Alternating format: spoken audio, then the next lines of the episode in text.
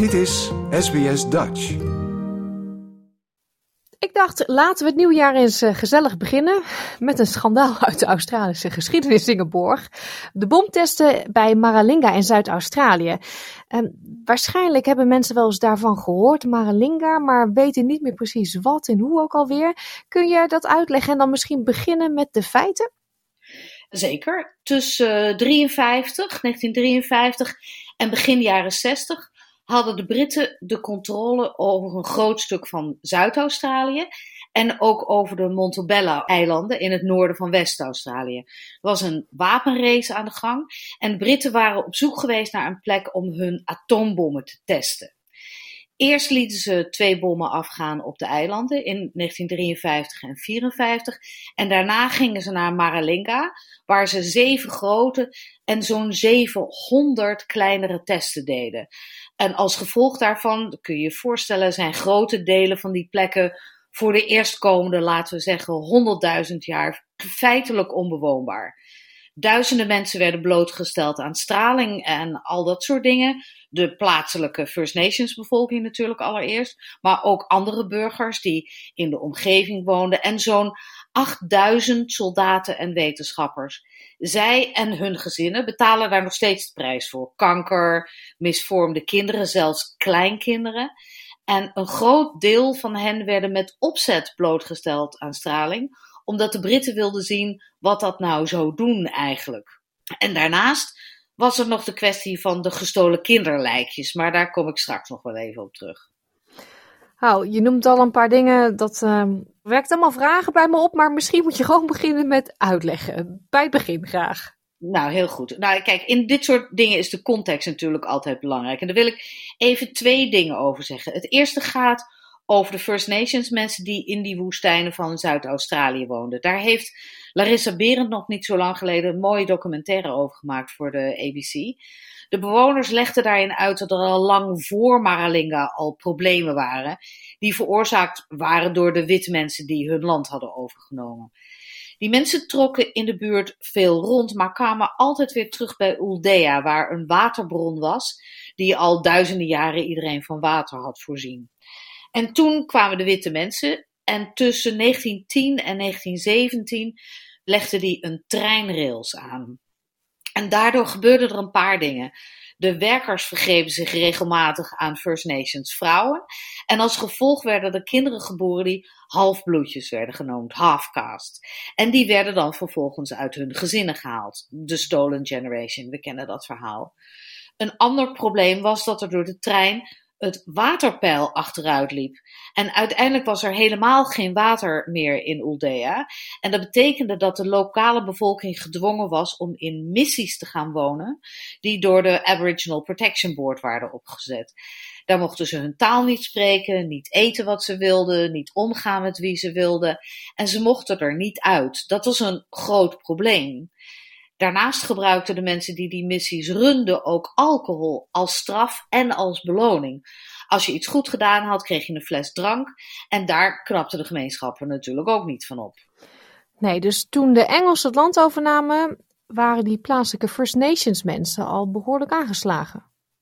Ja, precies. En dat kwam samen met de dreiging van de Koude Oorlog, die de tweede poot onder dit verhaal is. In 1948 had de Sovjet-Unie Berlijn geblokkeerd en daarna stukken van Tsjechoslowakije geannexeerd. Daarna won Mao in 1949 controle over China en brak er vervolgens een oorlog uit in Maleisië. En iedereen was als de dood voor communisme. En daarom had minister-president Chifley in 1949 ASIO opgericht, de Australische spionagedienst. Robert Menzies, die later dat jaar de nieuwe minister-president zou worden, dacht dat communisme een derde wereldoorlog aan het forceren was. En voor hem was communisme, zoals hij zei, een dodelijk gezwel dat uitgeroeid moest worden. Het eerste waar Menzies mee begon is proberen om de Australische Communistische Partij onwettig te maken. En hij gebruikte ASIO om duizenden Australiërs in de gaten te houden. Studenten, kunstenaars, politici en zelfs zijn eigen ambtenaren. En daarnaast sloot hij het ANZUS-verdrag af met Amerika en Nieuw-Zeeland voor het geval iemand ons in de Pacific zou bedreigen. Dan zouden we hulp krijgen van de anderen. Nou, dat klinkt behoorlijk paranoia dan. Uh, hoe kwamen we nou van dat dan bij Maralinga?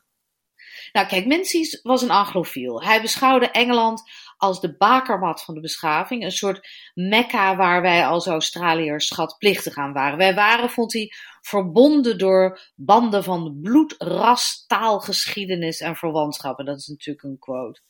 Met die sentimenten beantwoordde hij in september uh, eh, 1950, was dat volgens mij, een telefoontje van de Britse minister-president Clement Attlee.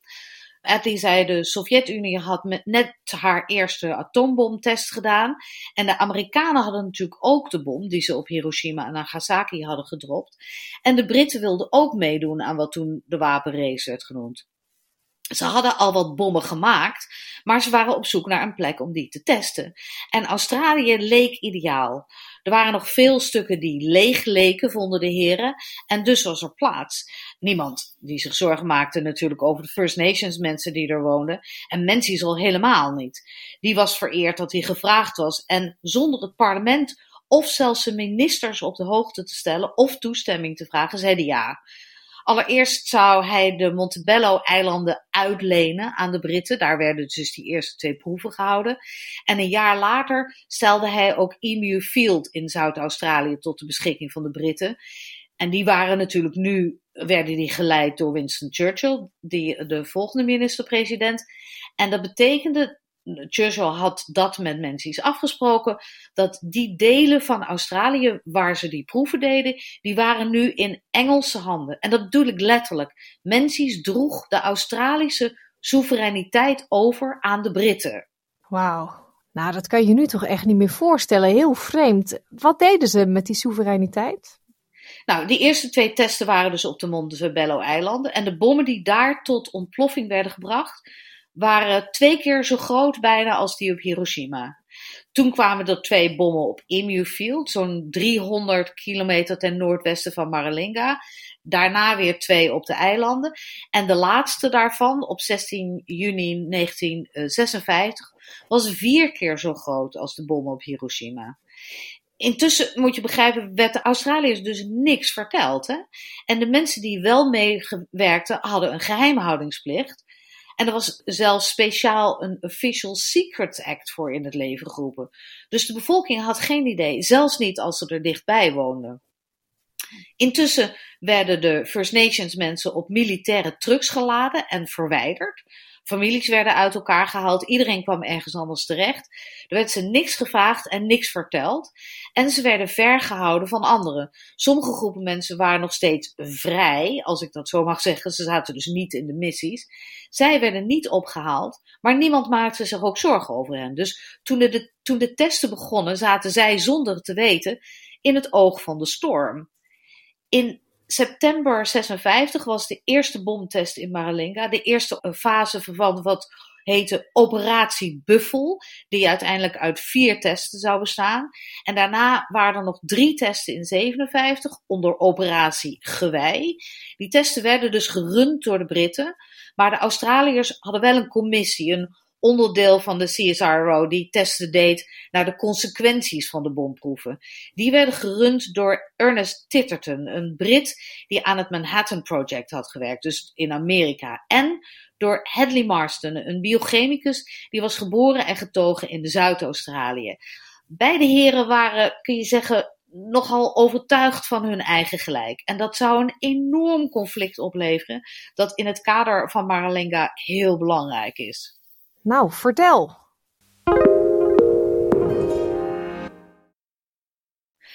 Nou, kijk, Titterton had een voordeel, namelijk dat bomtesten niet gevaarlijk waren. Maar dat was niet wat Marstons experimenten lieten zien.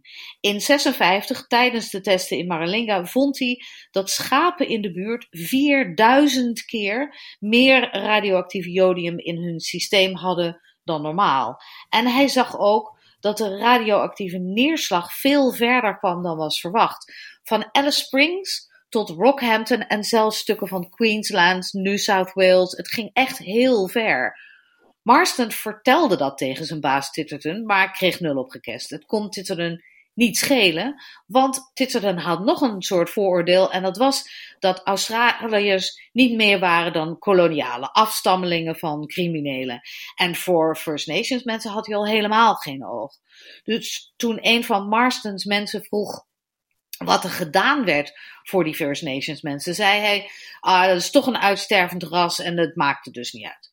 Er waren prioriteiten, moest iedereen begrijpen. En Groot-Brittannië was veel belangrijker dan, zoals hij dat noemde, een handjevol zwartjes.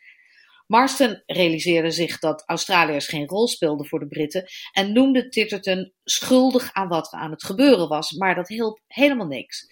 Later dat jaar draaide de wind na een test en kreeg Adelaide te maken met een enorme rood-bruine wolk die kilometers lang en breed was. Midden op de dag was het opeens pikdonker. En de volgende dag vond Marston dat de schapen in de buurt vijfduizend keer zoveel radioactieve jodium hadden dan normaal. En dat de meters voor radioactieve delen in de omgeving op 96.000 stonden, terwijl 20 de norm was. Maar weer, niemand werd iets verteld.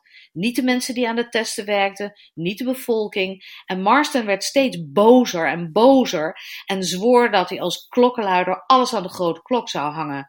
Het hele rotte hart van de operatie, zoals hij zei.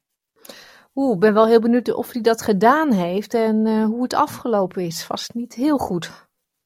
Nee, eh, kijk, Marston werd onmiddellijk door ACO onder controle gezet. Zijn telefoon werd afgeluisterd. Hij werd gevolgd. Ze lazen zijn brieven. Want opeens was hij een potentiële spion geworden. Niet dat dat hem iets kon schelen trouwens, want dit was nu zijn enige project. Hij moest en zou zeggen wat er hier aan de hand was. Vooral ook omdat hij bang was voor wat er met de kinderen zou gebeuren.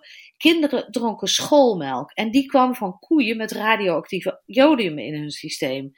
En Marston voorspelde dat jodium in hun botten terecht zou komen en daar hun hele leven zou blijven zitten. En dat zou leiden tot kanker en van allerlei andere vreselijke ziektes. Titterden had trouwens intussen hetzelfde idee gekregen, maar voor hem was het meer wetenschappelijk interessant. En dus werden tussen 1957 en 1978 de botten van 21.000 dode Australische kinderen gebruikt om de effecten van straling te onderzoeken. Hun lichamen werden opgehaald bij begrafenisondernemers en artsen en pathologen en lijkschouwers, zonder dat de ouders daarbij betrokken waren. De testen die op die botten werden gedaan, eh, toonden trouwens aan wat Marston al had voorspeld. Er zat vijf keer meer radioactief jodium in die botten dan in volwassenen. En dat werd alleen maar erger naarmate de jaren vorderden, zelfs toen de bomproeven al waren gestopt. In 1960 zei uh, Linus Pauling, een Amerikaanse chemicus die net de Nobelprijs had gewonnen, dat voor elke bomproef 15.000 kinderen zouden sterven. En dat leek in Australië helemaal te kloppen. Wat een wonderlijk verhaal weer zo. Een stukje Australische geschiedenis waar je mond van open valt. Ik ben nog wel even benieuwd hoe het met Hadley Marston is afgelopen. Nou, Marston had een geheimhoudingsplicht.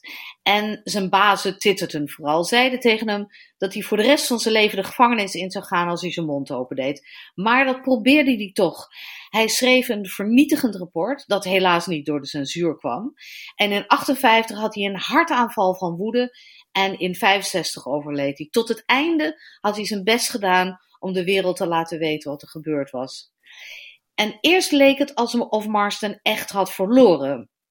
Titterton werd in 1970 geridderd en alles leek veilig onder de mat geschoven. Maar in 1984 startte er een uh, Royal Commission naar wat er allemaal gebeurd was. En die werd geleid door een ex-rechter, Jim McClelland, die al snel net zo boos was als Marston. Vooral omdat de Britten alles deden om alsnog alles geheim te houden. McClelland was niet zuinig in zijn kritiek en zei dat hij vond dat de Britten flink aan de bak moesten om wat dingen goed te maken. Allereerst moesten ze hun rotzooi opruimen in Zuid-Australië en daarnaast vele miljoenen compensatie uitkeren aan de mensen die ziek waren geworden of dood gegaan, gegaan waren of hun land hadden kwijtgeraakt. Want Marston, zei McClelland ook nog, had grotendeels gelijk gehad en was schandelijk behandeld. De Britten voelden er trouwens niks voor om die conclusies van de commissie te volgen.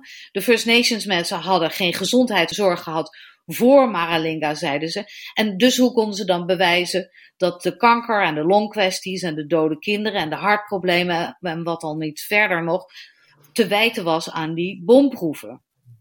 En de soldaten en de wetenschappers en de anderen die ook hadden geleden, die waren onderhevig aan de geheimhoudingsplicht. Dus zij werden gedreigd met maatregelen als ze hun mond open deden, net als Marston.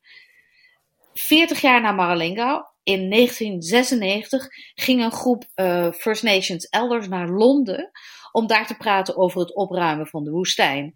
Toen dat niks opleverde, ging een tweede delegatie nog eens langs. Zij namen een zak zand mee, die nog radioactief was, en zetten die naast de minister neer. En dat vertelden ze hem overigens pas aan het eind van het gesprek. En daar schrok hij zo van dat hij opdracht gaf om in ieder geval iets op te ruimen. Maar compensatie is er nooit gekomen en de plek is nog steeds grotendeels off-limits. Liz Tynan, een academicus van uh, James Cook's Universiteit, heeft dat ooit eens nuclear colonialism genoemd, nucleair kolonialisme. En dat is ook hoe het Wangara Dance Theater het ziet. Zij staan op het moment op het podium met de voorstelling Yuldea, de First Nations name voor Uldea. En daarin vertellen ze het verhaal van die plek en de manier waarop er met hen werd omgegaan. Een aanrader, lijkt me.